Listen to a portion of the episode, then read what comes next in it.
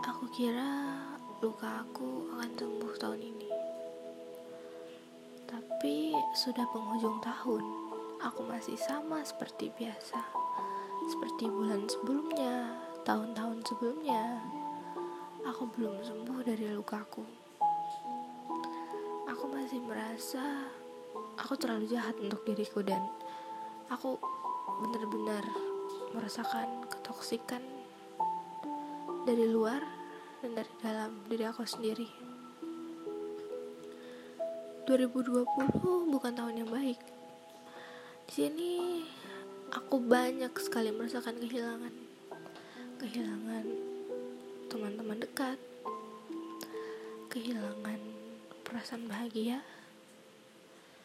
dan banyak hal toksik lainnya. Di sini aku belajar ternyata mensyukuri hal-hal kecil itu penting. Aku bersyukur dengan hal-hal yang aku punya sekarang. Tapi dulu aku tidak pernah menganggapnya. Karena aku rasa semua akan abadi. Tapi tidak. Perlahan banyak jejak pergi. Dan kita tidak bisa memastikan jejak itu akan datang kembali. Aku hanya ingin pulang. Aku ingin pulang ke lubuk hatiku yang terdalam. Karena rumahku tidak bisa dijadikan tempat pulang. Penghujung tahun ini, aku menguatkan diri sendiri untuk bisa bertahan sampai saat ini.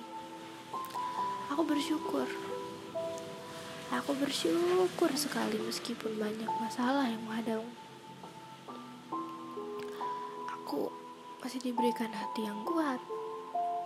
Aku masih bisa tersenyum di dekat orang banyak meskipun aku tidak benar-benar tersenyum. Dan aku harap aku bisa damai dengan diri sendiri. Aku tidak berekspektasi lebih pada tahun berikutnya, tapi aku harap semua akan baik-baik saja. Terima kasih 2020 telah memberikan banyak sekali pelajaran.